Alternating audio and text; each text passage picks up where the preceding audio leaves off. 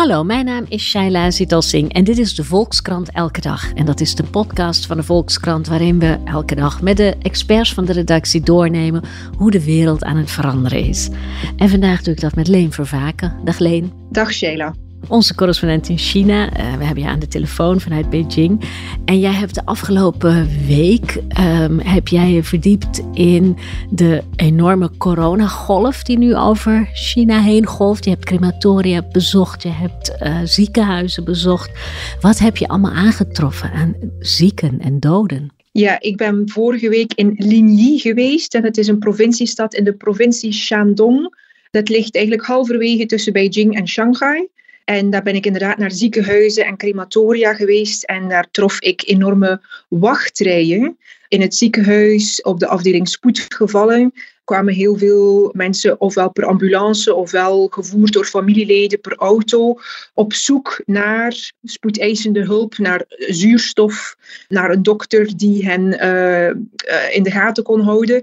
Maar vaak werden mensen weer weggestuurd. Dat was een enorm gebrek aan, aan alles. Uh, enorm gebrek aan bedden, zuurstofmonitors, hartmonitors, artsen. Dus het was een, een chaotische situatie. En dan in het uh, crematorium uh, van die stad stond een uh, lange wachtrij. dus daar kwamen familieleden en begrafenisondernemers eigenlijk in de rij aanschuiven om hun ja, doden te laten cremeren. Twee dagen voor ik daar was, had ik op sociale media video's gezien waarbij die wachtrijen nog veel langer waren en nabestaanden zelfs straatgekken aan het demonteren waren om de lichamen van, van hun dierbaren te kunnen transporteren, omdat er gewoon een gebrek was aan ja, lijkwagens en, en rolkarren om, om die uh, lichamen uh, tot bij het crematorium te brengen. Die situatie was opgelost. Uh, men had extra personeel ingezet en men liet dat crematorium ook tot s'avonds laat werken. Maar dus nog steeds een wachtrij en het personeel zei dat ze nu drie keer zoveel uh, lichamen per dag uh, kregen als op een, uh, een, normale dag. We weten dat met name ouderen kwetsbaar zijn voor corona. Weet jij ook, of is daar ook zicht op, of onder de doden, of dat dan ook voornamelijk ouderen zijn? Of vallen slachtoffers door de hele populatie heen? Het is heel moeilijk om die vraag te beantwoorden door het enorme gebrek aan data. Wat ik zelf hoorde bij het crematorium waar ik op ja, ter plekke ging kijken, is dat het vooral om ouderen ging met uh, vaak onderliggende ziektes. Ik hoor uiteraard ook van wetenschappers die hun best doen om dit in kaart te brengen, dat het nou ja, meer dan 90% van de gevallen om mensen met een dergelijk profiel gaat. Uh, dat neemt niet weg dat je ook verhalen hoort uh, van jongere mensen die slachtoffer worden. En die krijgen natuurlijk veel aandacht. In Beijing um, werd op sociale media veel geschreven over een uh, voetballer uh, van 37, een operazangeres van 40, die overleden waren. Ja, officieel niet aan COVID, maar volgens um, hun omgeving wel. En ik hoorde zelf een heel schrijnend verhaal van een man van net geen 40 uh, in Shanghai. Die was in het ziekenhuis opgenomen met heel zware symptomen, maar helaas na drie dagen overleden. En wat ik er dan zo schrijnend aan vind, is um, die man is dan zonder aanwezigheid van familie meteen naar een crematorium gebracht, gecremeerd en de as is naar zijn ouders gestuurd. En dus daar krijg je die hele ja, situatie dat het over, de overrompeling van die gezondheidsdiensten en van die crematoria ertoe leidt dat bovenop een heel moeilijke situatie uh, mensen geen afscheid kunnen nemen. En dat die, die, die pijn en dat verdriet gewoon nog veel um, ja, sterker wordt. Afschuwelijk. Dat is echt een afschuwelijk verhaal. Ja. Ik hoor meerdere verschrikkelijke verhalen. Het is. Um, we zien eigenlijk een soort herhaling van wat zich in Europa en in de Verenigde Staten in 2020 ook heeft voorgedaan. Uh, daar konden mensen soms ook geen afscheid nemen uh, van familieleden of uh, vonden begrafenissen plaats op manieren die je eigenlijk niet zou willen. Maar het grote verschil is natuurlijk dat dit nu in China gebeurt, drie jaar later, eigenlijk na drie jaar waarin men tijd heeft gehad om zich voor te bereiden en om net te vermijden dat dit ook zou gebeuren. En dat maakt het nog vele malen pijnlijker. En dat is ontstaan nadat China niet zo lang geleden, eh, ja, eigenlijk min of meer van de ene dag op de andere dag, de coronamaatregelen heeft opgeheven. Is er nu zicht op, op aantallen? Want je, kan, je kan opschrijven wat je ziet, die rijen, die, uh, die files voor die crematoria. Maar worden er ook van officiële zijde ook aantallen vrijgegeven? Of wordt dat een beetje weggemoffeld? Uh, het is heel moeilijk om een overzicht te krijgen. Dus we zien inderdaad die beelden in ziekenhuizen. Niet alleen in die stad waar ik was, maar maar vooral in, in grote steden hebben we daar goed zicht op, omdat daar ook andere media aanwezig zijn.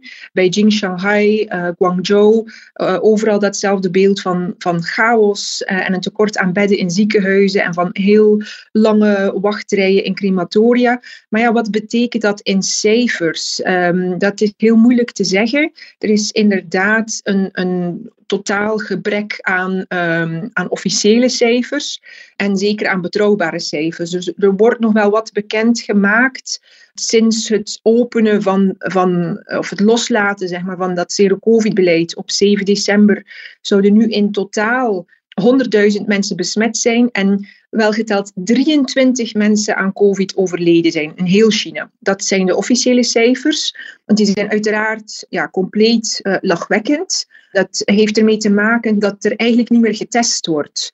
Dus ja, als je niemand test, dan uh, kan er inderdaad niemand besmet raken.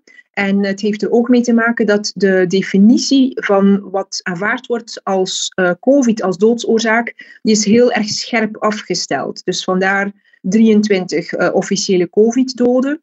Nu geven de autoriteiten op zichzelf ook toe dat die cijfers op dit moment niet meer bruikbaar zijn, maar ze geven niet echt alternatieve cijfers. Dus wat we nu eigenlijk nodig zouden hebben, is inzicht in, in de hosp hospitalisatiecijfers. Hoeveel mensen worden in ziekenhuizen opgenomen? Maar ja, dat krijgen we op een heel specifiek niveau in, in één ziekenhuis in de ene stad, een ander ziekenhuis in de andere stad. Maar dat laat ons niet toe om, om uh, ja, bredere conclusies te trekken. Dus het is echt een beetje in het duister tasten over hoe ernstig de situatie nu is en vooral in welke fase we nu van die uh, COVID-golf zitten. Dus als uh, ziekenhuizen en crematoria op dit moment al overrompeld worden, zien we dan nu op dit moment het ergste? Of staan we eigenlijk nog maar aan het begin en moet het nog erger worden? En eh, wetenschappers hebben daar dus ook helemaal geen zicht op in China? Of, of is er wel ergens zicht op en wordt het niet Ik denk dat het een combinatie van uh, beide is. Um, het zero-covid-beleid is inderdaad van de ene op de andere dag losgelaten. Dat ja, heeft hier ook de gezondheidsautoriteiten voor een stuk overvallen. En zij moeten nu al hun aandacht richten op het uh, ja, zoveel mogelijk redden van mensenlevens. Dus het uh, zo snel mogelijk verhogen van ziekenhuiscapaciteit of het overeind houden bijna van, van die ziekenhuizen. Het verzamelen van data, dat staat dan niet uh, op de eerste plek. Het is ook zo dat de, de, de, capaciteit van die gezondheidsautoriteiten in China kleiner is dan in bijvoorbeeld Europa of de Verenigde Staten. Dus er is uh, ja, minder infrastructuur aanwezig om dit soort data te verzamelen. Uh, maar er speelt zeker ook een, een, politieke factor een rol. En dat is dat de Chinese overheid op dit moment echt een beeld wil creëren ja, dat alles onder controle is. Uh, ze hebben die grote ommekeer in het COVID-beleid ook um, gelegitimeerd door te zeggen: Omicron is nu ongevaarlijk. Uh, dat loslaten dat zal geen enkel probleem uh, opleveren. Um, dus het um, is dan ook belangrijk voor hen om nou, het niet te hebben over ernstige zieken en het niet te hebben over sterfgevallen. Een beetje te doen alsof dat niet echt aan de hand is. En dat eigen beleid op die, moment, op, op die manier um, ja, te, te verdedigen. Wat ik mij afvraag is, en de, de Chinese uh, autoriteiten zeggen nou die Omicron-variant is niet gevaarlijk. Dat um, wordt ook in andere landen onderschreven, waar de coronamaatregelen al eerder zijn losgelaten. Dat is niet gepaard gegaan met zo'n grote golf aan zieken en doden. Uh, je hebt al eens eerder uitgelegd uh, bij ons in de podcast en in de krant dat dat te maken heeft met de vaccinatiestrategie in China. Dat mensen of niet gevaccineerd zijn of wel gevaccineerd zijn, maar met iets minder met vaccins die een iets lagere werkzaamheid hebben. Is dat het enige of is er ook een andere variant in China? Of is daar ook helemaal geen zicht op? Er wordt onderzoek gedaan naar de varianten die nu rondgaan in China. Dat wordt in China zelf gedaan, maar in zeer beperkte mate. Ik neem deze cijfers met een korrel zout, maar er zijn mededelingen gedaan dat er zo'n 2000 stalen getest worden per dag. Nou, zelfs als die cijfers kloppen, is het duidelijk dat dat zeer beperkt is. Um, die officiële cijfers spreken nu van 100.000 gevallen sinds het loslaten van het zero-covid-beleid. Maar uh, uit andere observaties en mededelingen kan je afleiden dat er miljoenen uh, besmettingen moeten zijn per dag. Dus als je dan slechts 2000 stalen gaat uh, testen en, en gaat analyseren op de specifieke variant, dan is dat uiteraard niet voldoende om een overzicht te geven. En in het buitenland, uh, onder andere op de luchthavens van Italië, uh, wordt ook onderzoek gedaan um, naar welke varianten worden aangetroffen bij reizigers uit China. Uh, dus er is enige informatie. daaruit blijkt dat het eigenlijk om dezelfde varianten gaat als degene die in Europa en, um, en de Verenigde Staten circuleren. Um, maar uiteraard, gezien de enorme snelheid eh, van de verspreiding van het virus in China en, en de enorme bevolking, is er een zeker risico op het ontstaan van nieuwe varianten, zoals eerder in, in andere delen van de wereld is gebeurd. Dus het is zeker iets waar met enorm veel aandacht moet naar worden gekeken. En het feit dus dat dat slechts op, beperkte schaal gebeurt in China zelf, en dat men redenen heeft om te twijfelen aan de transparantie van de overheid, dat baart heel veel wetenschappers uh, zorgen. En heeft dit ook nog gevolgen voor de vaccinatiestrategie? Want uh, de overheid zegt, nee, er, er is eigenlijk niks aan de hand. Betekent dat ook dat er geen vaccinatiecampagnes meer zijn? Of kun je nog wel vaccinaties halen? Willen Chinezen nu gevaccineerd worden, nu ze zien wat de gevolgen kunnen zijn? De overheid zegt wel degelijk dat het uh, aangeraden wordt om je te blijven vaccineren. Ook al is het virus uh, niet heel gevaarlijk, het, het is toch beter, uh, of dat vaccin speelt daar een rol in. Dus dat wordt zeker aangemoedigd. Um, het probleem daarbij is inderdaad dat nog steeds die buitenlandse mRNA-vaccins, die toch aantoonbaar meer werkzaamheid hebben tegen die Omicron-variant, dat die nog steeds uh, niet uh, geïmporteerd worden in China, niet toegelaten worden door de Chinese overheid. Uh, die Chinese vaccins die minder werkzaam zijn, worden ondersteund voor een stuk om politieke redenen, om die ja, nationale trots niet te ondermijnen, ook voor een stuk om economische redenen. Xi Jinping is enorm van de zelfredzaamheid uh, van de Chinese economie en hij wil dus ook de medische sector in China ondersteunen. Dat gezegd zijnde, men zet dus in op een verhoogde vaccinatie, zeker van die oudere bevolking. Maar je ziet dat men daarvoor een stuk te laat komt. Uh, dus dat je ja, die enorme COVID-golf uh, zo snel door het land ziet gaan, dat mensen eigenlijk ja, geen tijd meer hebben om zich eh, misschien zelfs maar één keer te laten vaccineren, laat staan twee keer. Eh, veel mensen zijn op dit moment ook bang om zich te laten vaccineren. In die zin, als ik een ongevaccineerde ouder ben op dit moment in een of ander afgelegen dorpje in China, dan denk ik, oh, ik zal in mijn dorpje blijven, dan ben ik het veiligst. Als ik nu ergens naar een vaccinatiecentrum moet, dan kom ik tijdens um, mijn trip naar het vaccinatiecentrum misschien in contact met iemand die besmet is. Dus die afweging wordt ook gemaakt. Uit observatie denk ik uh, te zien dat de vaccinatiecampagne niet echt uh, enorm uh, op, op stoom komt. En andere simpelere beschermingsmaatregelen, waar we nou ja, ook, ook in het Westen de afgelopen jaren mee dood zijn gegooid, mondkapjes, handen wassen, afstand houden, houdt men zich daaraan wel? Of is dat ook na die enorme draai die de regering heeft gemaakt in zaken het COVID-beleid, is dat ook losgelaten allemaal? Ja, dat is eh, best uh, eigenaardig eigenlijk om te zien hoe dat precies gaat. Mensen zijn heel erg in de war uh, over hoe ze nu best moeten omgaan met de nieuwe situatie. Ze hebben inderdaad te horen gekregen dat uh, Omicron-virus dat is compleet ongevaarlijk. Je hoeft je daar geen zorgen over te maken. Maar goed, heel kort daarna beginnen mensen te zien en te horen dat in hun omgeving mensen toch ernstig ziek worden en dat uh, ziekenhuizen en crematoria uh, overrompeld worden, dat de mensen geen ziekenhuisbed meer kunnen vinden. Uh, dus dan merken ze dat die overheidsinformatie niet klopt. Maar hoe ze dan zich wel moeten beschermen, hebben ze na al die tegenstrijdige informatie, um, ja, vinden ze ook moeilijk te beoordelen.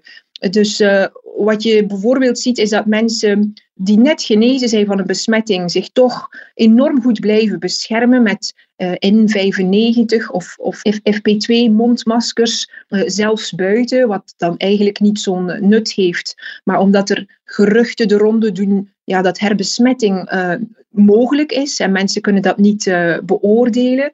En ja, anderzijds zie je dat mensen met symptomen dan wel gewoon op kantoor gaan werken, omdat ze bijvoorbeeld het inkomen nodig hebben, waarbij ze natuurlijk een enorme besmettingshaard creëren. Dus uh, je krijgt een soort van mix van enorme voorzichtigheid die soms onnodig is en dan tegelijk uh, onnodige risico's die worden genomen. Een gesprek dat ik had uh, een paar dagen geleden met een, een Chinese vriendin gaf dat ook heel mooi aan. Zij vertelde over haar familie, waar de hele familie besmet aan het raken is. En een van de jongeren, de, de, de, de kleinzoon, een twintiger, die is na tien dagen besmetting nog steeds positief aan het testen. En daar maakt de hele familie zich enorm zorgen over, terwijl die jongen eigenlijk geen symptomen heeft. In Nederland weten wij dan, ja, dat is mogelijk om lang positief te testen, dat hoeft geen probleem te zijn. Maar de familie maakt zich enorm zorgen dat hij long COVID uh, zal krijgen. Uh, wat nergens op gebaseerd is. Tegelijk in dezelfde familie is oma, die heel erg tot de risicogroep behoort, doodleuk naar het ziekenhuis gegaan om een herhaalrecept voor pilletjes voor hoge bloeddruk, waarbij ze natuurlijk in een enorm risico loopt. Dus dit soort tegenstrijdig gedrag um, ja, zie je eigenlijk voortdurend. Grote verwarring dus. En uh, inmiddels staat Chinees nieuwjaar voor de deur, toch Leen? Want uh, wanneer begint dat? 22 januari begint het nieuwe jaar. Dus uh, op 21 januari zit normaal iedereen aan de dis bij de familie.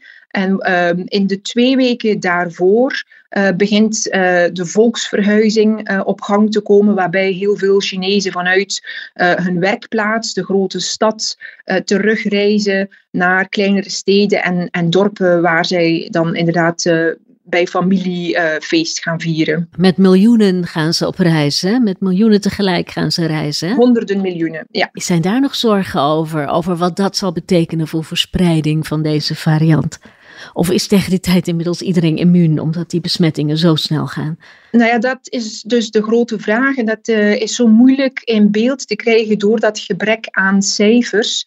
Um, de indruk die de Chinese overheid geeft, um, is dat in grote delen van China die piek al achter de rug is en dat het dus allemaal zo snel gaat dat het eigenlijk tegen Chinees nieuwjaar wel zo'n beetje beklonken is. We horen experts zeggen dat uh, eh, 80% van de bevolking van Beijing al besmet is geweest, 70% van de bevolking in Shanghai.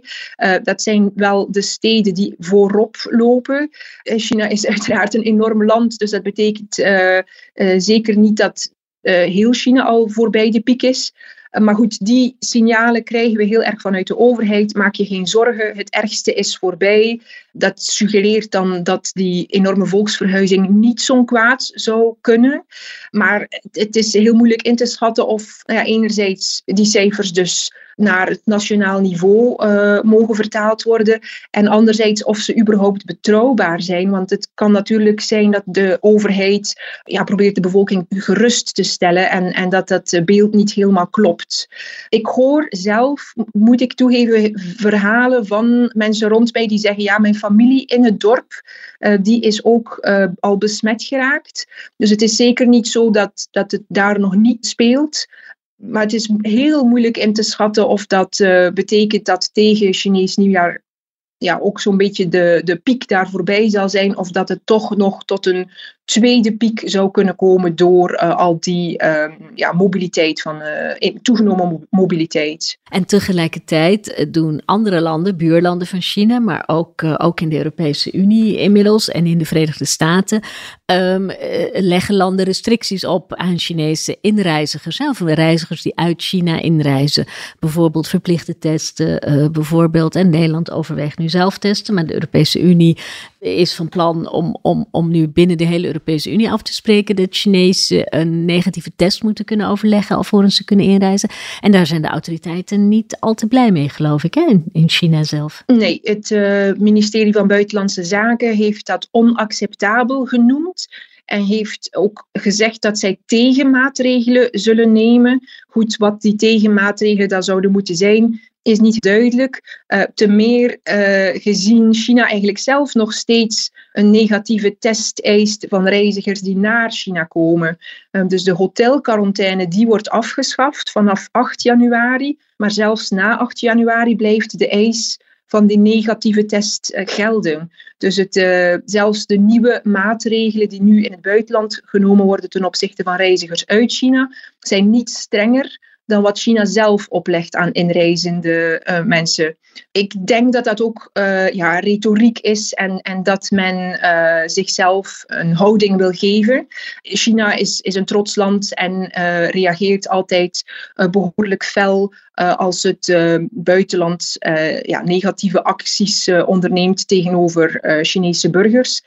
Ik merk zelf op sociale media of als ik met mensen rond mij spreek, dat die verontwaardiging uh, veel minder leeft. Uh, men is nu vooral ja, gericht op het eigen COVID-debakkele en neemt dat de overheid vaak erg kwalijk. Ook al kan dat misschien niet in, in die bewoordingen worden gezegd. Ja, je hoort toch overal dat mensen zeggen dat het zero-COVID-beleid is echt op het verkeerde moment losgelaten, midden in de winter als sowieso al heel veel mensen ziek worden uh, en verkoudheden heel ernstig uh, kunnen worden. Uh, het is veel te snel gegaan, het is niet goed voorbereid. Dus daar zijn mensen nu op gericht. En ja, wat regeringen in het buitenland doen, ehm, dat ehm, maakt hen op dit moment niet zo heel veel uit. Nee, en kun je dit soort klachten openlijk uiten? Want tijdens de, de COVID-periode, toen, toen de restricties zo streng waren in China, was het heel erg lastig om daar tegen te protesteren. En, en werd daar ook wel uh, tegen opgetreden door de autoriteiten. En nu omgekeerd, nu mensen klagen over het te lakse coronabeleid.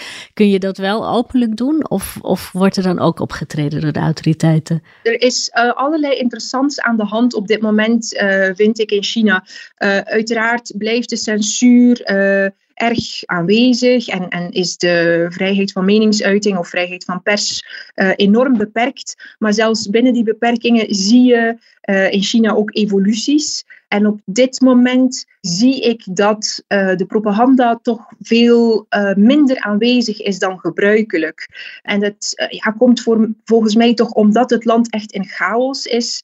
Dus eigenlijk niet echt een manier waarop je ja, de huidige situatie kan verdedigen. dus je ziet dat de overheid ja, zich erg afwezig opstelt en eigenlijk niet al te veel probeert ook het COVID-beleid te verdedigen. Uh, of dat in heel vage bewoordingen doet. Uh, Xi Jinping heeft uh, op 31 december een nieuwjaarsboodschap uitgesproken. En hij alludeerde in twee zinnetjes aan de COVID-golf die nu door China gaat. En gaf wel toe dat het land voor uitdagingen staat, maar probeerde een soort van hoopvolle boodschap te, te geven. Want het komt allemaal goed. Maar dus dat bleef ja, heel algemeen. En dus ook de censuur uh, staat op een iets lager pitje dan normaal. Dus er kan enige voorzichtige kritiek uh, worden geuit, of die blijft dan iets langer online staan uh, dan in gewone tijden. En wat mij dus ook opvalt, is dat ook de, de gewone Chinees, zeg maar, die, die niet um, toegang heeft tot informatie van buitenaf, dat die nu ja, zonder te wijzen naar concrete politici, want dat is echt not done, maar dat die dus wel uh, heel duidelijk die onvrede uit met uh, hoe dit precies uh, gegaan is. En misschien nog interessant om eraan toe te voegen, wat je heel duidelijk ziet, is dat mensen alle vertrouwen hebben verloren in de experts, in de virologen. En dat die heel hard worden aangepakt, want die hebben dat overheidsbeleid verdedigd en hebben gezegd dat Omicron ongevaarlijk is. En het is ook een beetje een manier waarop mensen kritiek kunnen uiten. Dus zij kunnen niet zeggen, uh, wij vinden dat de communistische partij een fout heeft gemaakt of dat de president een fout heeft gemaakt. Dat is absoluut onaanvaardbaar in China. Maar zo'n expert aanpakken, dat dient dan eigenlijk een beetje als kritiek op de overheid via een, uh, een tussenpersoon. Ja, een soort uitlaatklep via de band. Precies. Dankjewel Leen, hartelijk dank. Graag gedaan. En u luisteraar. Ook heel hartelijk dank weer voor het luisteren. Dit was de Volkskrant Elke Dag. Morgen weer een nieuwe. Tot dan.